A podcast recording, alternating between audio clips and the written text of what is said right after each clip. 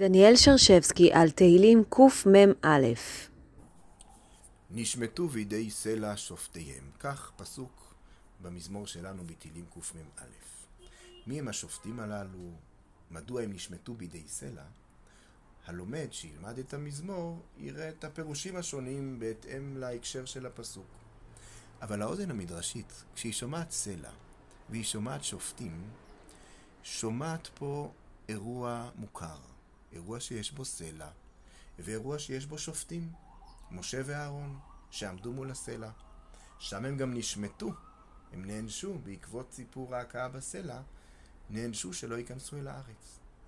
אבל מדוע להזכיר כאן את סיפור הסלע של משה ואהרון? מאותה סיבה שאב המבכה את נפילתו של בנו או את מכאובו, יזכיר זאת שוב ושוב. כך במדרש בספרי דברים בפרק כ"ו. רבי שמעון אומר, משל למלך שמהלך ובנו עמו בדרך. ומהלכים בקרונית עד שהגיע למקום צר, ונהפכה קרון שלו על בנו. נסמת עינו, נקטעה רגלו, נשברה ידו.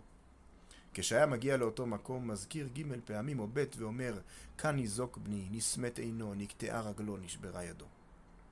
אף כך המקום מזכיר ג' פעמים מי מריבה, מי מריבה, מי מריבה.